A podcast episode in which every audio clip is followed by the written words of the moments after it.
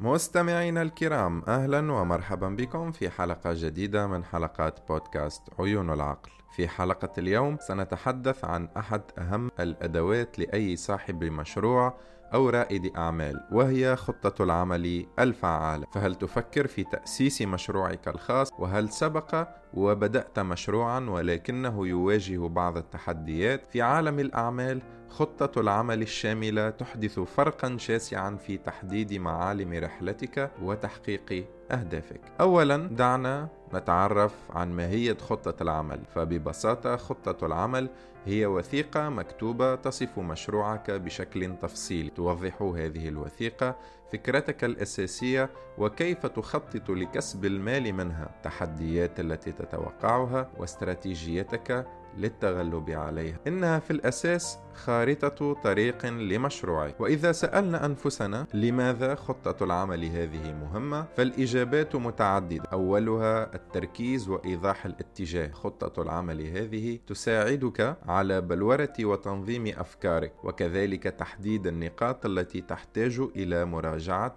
إضافية وكذلك تساعدك على جذب الاستثمار. إذ يفضل المستثمرون المحتملون رؤية خطة عمل قوية قبل المخاطرة بأموالهم لدعم مشروعك، حيث تعطيهم خطة العمل الجيدة نظرة ثاقبة حول إمكانيات مشروعك وجدواه. كذلك اتخاذ القرارات يمكن أن يكون مرجعه الأساسي خطة العمل الخاصة بك. وهذا يسهل عليك مواجهة المواقف الصعبة واتخاذ القرارات اللازمة كما ستبقى دائما متذكرا أهدافك ورؤيتك الأصلية. أما بالنسبة لمكونات خطة العمل الأساسية فهي الملخص التنفيذي وهو يعتبر قسما موجزا يلخص المعلومات الأساسية في خطة العمل الخاصة بك. ويمكنك كتابة هذا الملخص في النهاية لأنه بمثابة تلخيص للخطة كلها. كذلك يجب أن يكون هناك وصف للمشروع وفي هذا الوصف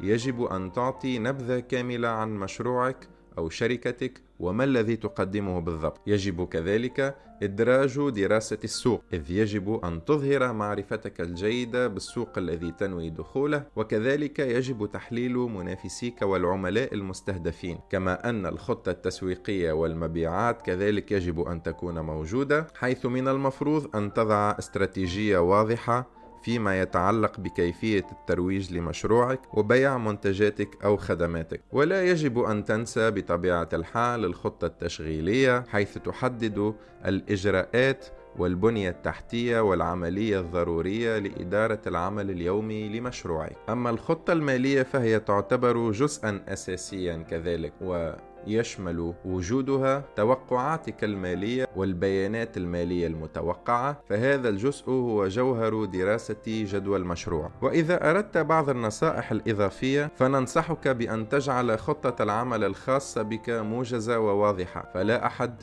يريد قراءة خطة عمل من خمسين صفحة. اجعل محتواك مركزا ودقيقا قدر الإمكان. وحاول كذلك توقع التغييرات فلا شيء يسير دائما حسب الخطة. راجع خطة عملك بشكل دوري.